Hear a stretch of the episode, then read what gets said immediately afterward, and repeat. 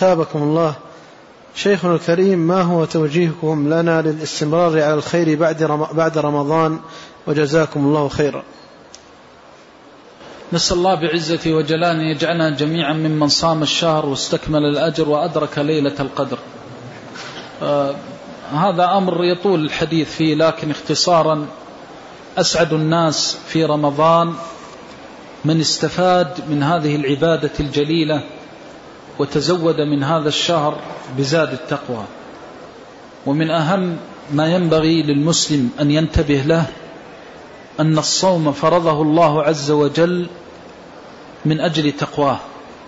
وهذه الأيام الثلاثون أو تسع وعشرون يوما كلها مرت عليك من أجل أن تذكرك بحق الله الذي لا إله غيره ولا رب سواه. ثلاثون يوما أو تسع وعشرون يوما تذكرك بالتوحيد والإخلاص وإرادة وجه الله عز وجل. كلها تناديك أن تعيد النظر في أقوالك وأعمالك وأخذك وعطائك. هل تريد وجه الله أو تريد غيره؟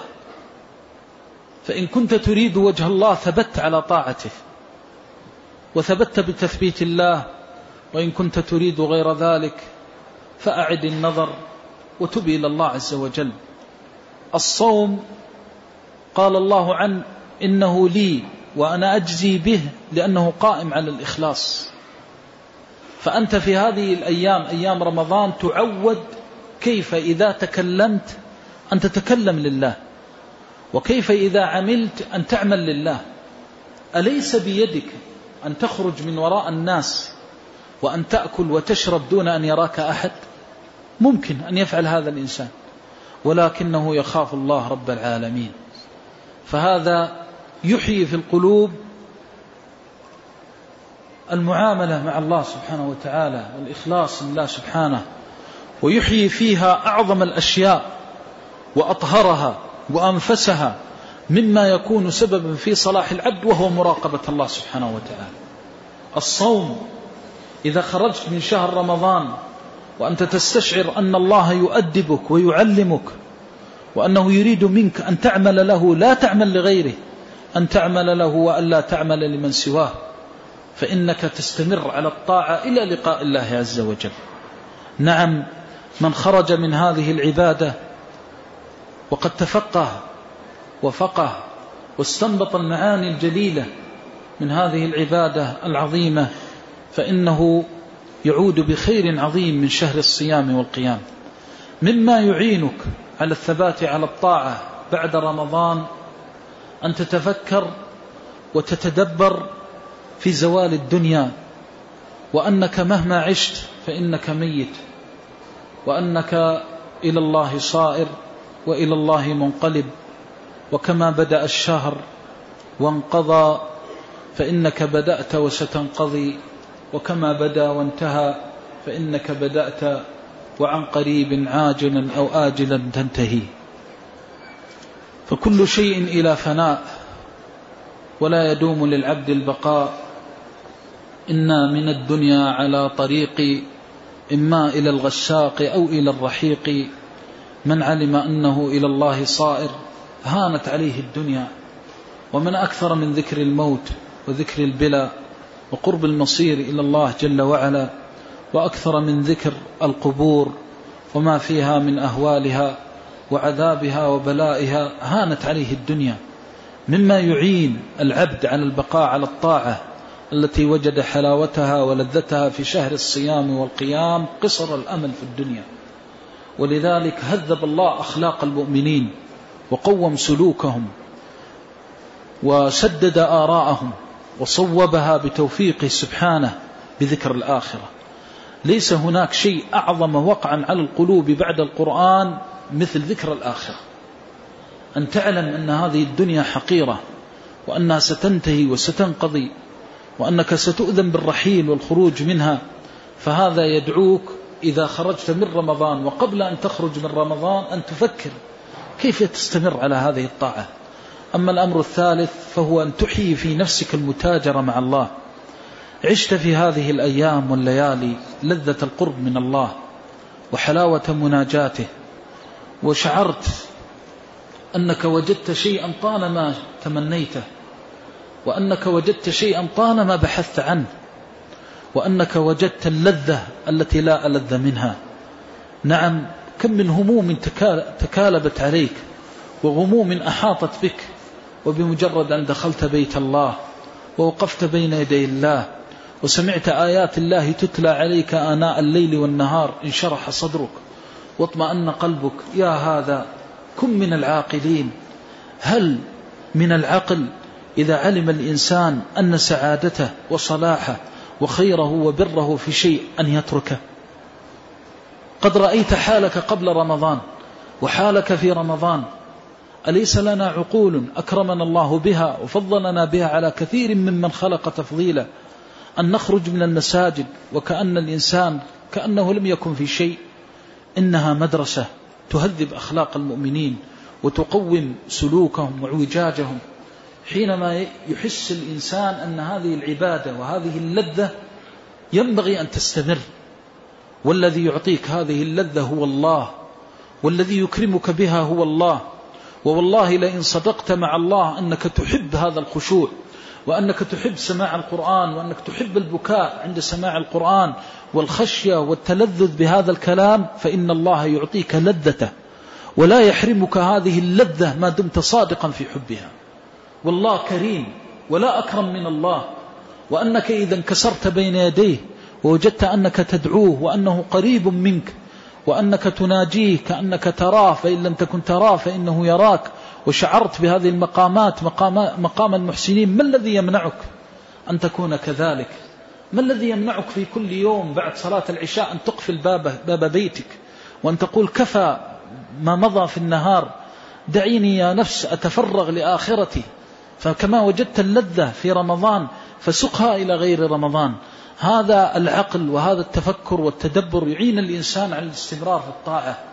كذلك أيضا مما يعين على الاستمرار في الطاعة أن الله جمعنا في رمضان في المساجد وجمعنا مع الراكعين والساجدين لكي يعلم كل إنسان خير وبركة عشرة الصالحين.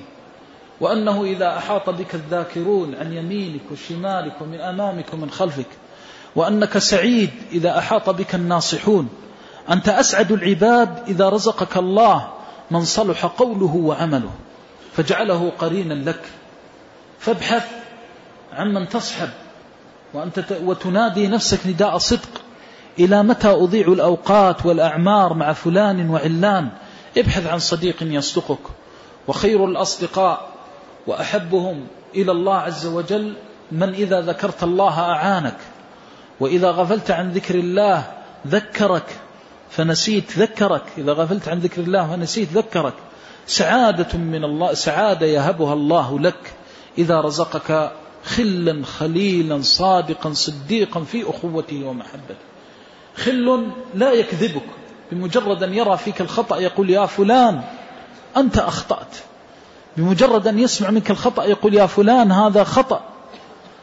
من أجل نعم من أعظم نعم الله عليك أن يرزقك الله الناصح. ما سمي الصديق صديقا إلا من الصدق. فإذا صحبت الناس فاصحبهم بالأمر بالمعروف والنهي عن المنكر. وإذا صحبت أحد ابحث عمن يأمرك بطاعة الله وينهاك عن معصية الله. والميزان أنك إذا جلست مع أحد انظر إلى حالك بعد أن يفارقك. فإن كان حالك بعد فراقه يعينك على أحسن وأجمل وأكمل من حالك قبل رؤيته والجلوس معه. فاحرص على مثل هذا. رمضان ذكرك بعشرة الصالحين ذكرك بأخوة المؤمنين ذكرك بهذه المعاني الجليلة. قال بعض العلماء رمضان يذكر بالأخوة حتى في الطعام والشراب. لما منعت من الطعام والشراب؟ أمنعت لظمأ الأحشاء وجوع الأمعاء؟ لا والله. ولكن منعت لكي تمتنع عن حرام الله في إخوانك ولكي تقيم حق الله في إخوانك. ولذلك قال صلى الله عليه وسلم من لم يدع قول الزور والعمل به فليس لله حاجة في أن يدع طعامه وشرابه. وقال عليه الصلاة والسلام في الحديث الصحيح فإذا كان يوم صوم أحدكم فلا يصخب ولا يجهل. الله أكبر. ثلاثون يوما لا نصخب ولا نجهل. فهل تستطيع أن تحيي في نفسك فتخرج من رمضان وأنت تعاهد هذا تعاهد الله عز وجل بلسان حالك على أن لا تقرب عرض مسلم فتسبه أو تشتمه. هل تستطيع أن تأخذ هذه النفس الأمارة بالسوء تأخذها بأمر الله فتكون سعيدا في لقاء الله؟ وأما من خاف مقام ربه ونهى النفس عن الهوى فإن الجنة هي المأوى. ينتهي رمضان ليفترق الناس إلى فريقين فريق في الجنة وفريق في السعيد. فريق في الجنة يفكر كيف يبقى رمضان إلى العام كله؟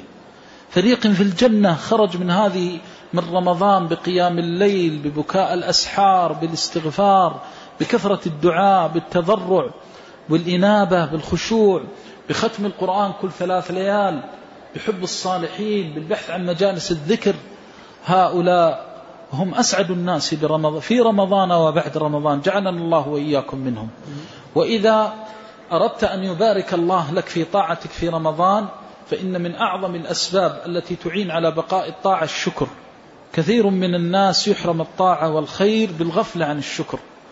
فدائما إذا وفقت لطاعة قولا أو عملا ظاهرا أو باطنا فاحمد الله سبحانه وتعالى واشكر فإن الله يزيدك.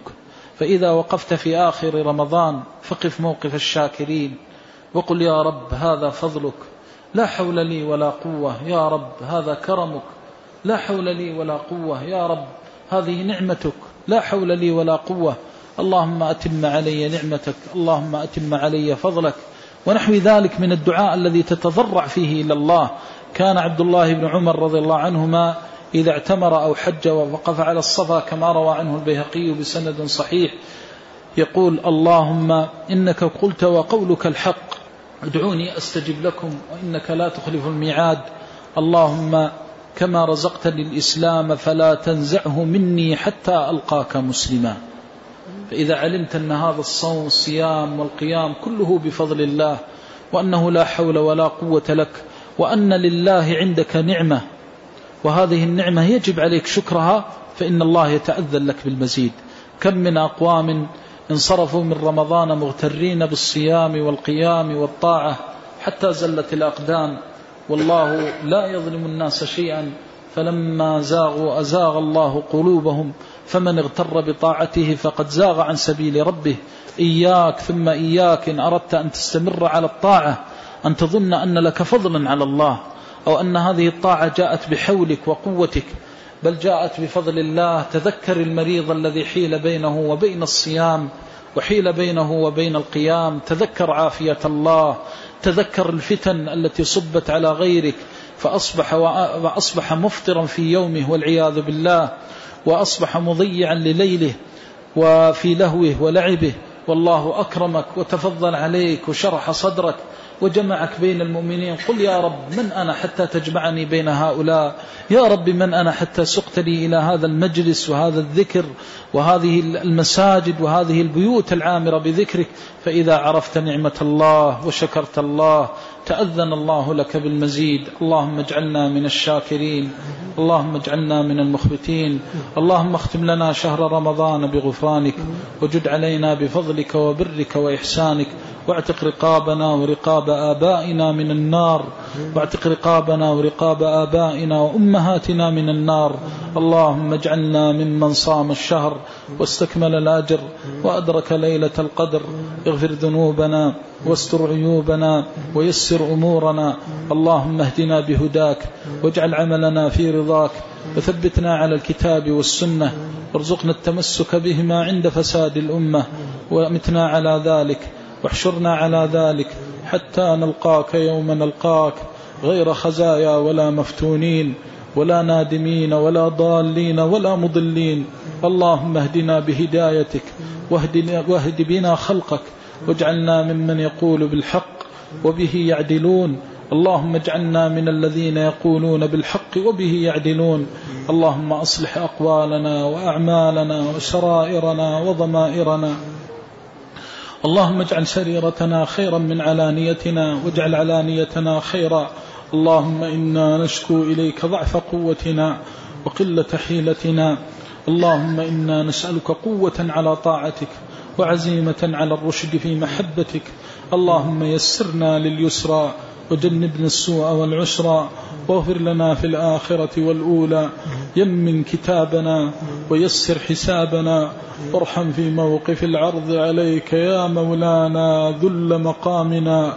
وثبت على الصراط أقدامنا وبيض وجوهنا. يا أرحم الراحمين يا ربنا يا ربنا. اللهم لا حول لنا ولا قوة إلا بك. اللهم لا حول لنا ولا قوة إلا بك. أنت المستعان وعليك التكلان. ولا حول ولا قوة إلا بالله العلي العظيم. أجرنا من الشيطان الرجيم. وأجرنا من النفس الأمارة بالسوء وأجرنا من قرناء السوء وأجرنا من الضلال والمضلين ومن الفتن والمفتونين ومن المحن وال وال ومن المحن ما ظهر منها وما بطن. يا أرحم الراحمين يا أرحم الراحمين. اللهم اغفر للمؤمنين والمؤمنات والمسلمين والمسلمات الأحياء منهم والأموات اللهم نور على أهل القبور قبورهم. اللهم نور على موت المسلمين قبورهم. اللهم أفسح لهم فيها. اللهم أفسح لهم فيها. يا أرحم الراحمين. اللهم لا تبق فيهم معذبا إلا أزلت عنه عذابه. اللهم أزل عنهم العذاب. وافتح عليهم أبواب رحمتك يا رب الأرباب. اللهم ارحم ضعفهم. اللهم ارحم ضعفهم اللهم ارحم ضعفهم واجبر كسرهم واغفر ذنبهم. يا أرحم الراحمين اللهم اغفر لأئمة المسلمين وعلماء المسلمين ونور لهم قبورهم واجزهم عن الإسلام وأهله خير ما جزيت عالما عن علمه. اللهم اجزهم خير الجزاء. وبلغهم منازل السعداء واجعلهم في مرافقة الأنبياء واجز مشائخنا ومن علمنا وأحسن إلينا خير الجزاء. واجمعنا معهم واجمعنا معهم في مقعد صدق عند مليك مقتدر. يا أرحم الراحمين يا أرحم الراحمين. اللهم اغفر للأحياء ويسر أمورهم وفرج كروبهم. اللهم اغفر لأحياء المسلمين ويسر أمورهم واشرح صدورهم. اللهم وفقهم لما تحب وترضى وجنبهم سبيل الردى. اللهم اهد شباب المسلمين وخذ بنواصيهم للطاعة والدين واصرف عنهم فتن المفتونين وضلال المضلين وإرجاف المرجفين وثبتهم على الحق يا رب العالمين. اللهم انصر دينك وكتابك وسنة نبيك وعبادك الصالحين. اللهم اجعلنا منهم برحمتك يا أرحم الراحمين. اللهم وأظهر الهدى ودين الحق الذي ارتضيته لنفسك على الدين كله. يا حي يا قيوم ولو كره المشركون. اللهم اللهم اكتب لأهل هذا الدين عزا ونصرا. واكتب لمن عاداه وآذى أهله ذلة ومهانة وقهرا. اللهم دمر أعداء الدين. اللهم شتت شملهم. اللهم فرق جمعهم. اللهم احصهم عددا واقتلهم بددا ولا تغادر منهم أحدا. اللهم زلزل أقدامهم وصدع بنيانهم ودنس شعارهم. اللهم شتت شملهم اللهم اسلبهم عافيتك. اللهم اسلبهم عافيتك وأنزل بهم رجسك ولعنتك إله الحق. اللهم قاتل من قاتل الدين وأهله. شتت شمله وفرق جمعه صدع بنيانه وزلزل أركانه وفرق جمعه وأعوانه. إله الحق لا إله إلا أنت. اللهم وفق ولاة أمورنا لما تحب وترضى. وخذ بنواصيهم للبر والتقوى. اللهم وفق إمامنا بتوفيقك وأيده بتأييدك واشرح صدره ونور قلبه وجنبه يا رب العالمين كل سوء وشر واجعله هاديا مهديا. اللهم انصر به دينك وأعل به كلمتك وانشر به رحمتك يا أرحم الراحمين. اللهم اغفر لنا أجمعين وعمنا برحمتك يا أرحم الراحمين. واغفر لنا يا خير الغافرين.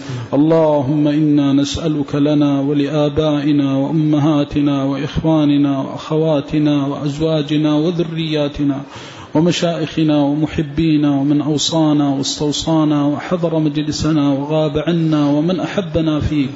اللهم إنا نسألك أن تغفر لنا أجمعين وجميع المسلمين وأن تعمنا برحمتك يا أرحم الراحمين. رحمة تهدي بها قلوبنا وتصلح بها أحوالنا وتجمع بها شملنا وتشرح بها صدورنا وتثبتنا بها على طاعتك يا أرحم الراحمين. العالمين. اللهم أعطنا فوق سؤلنا.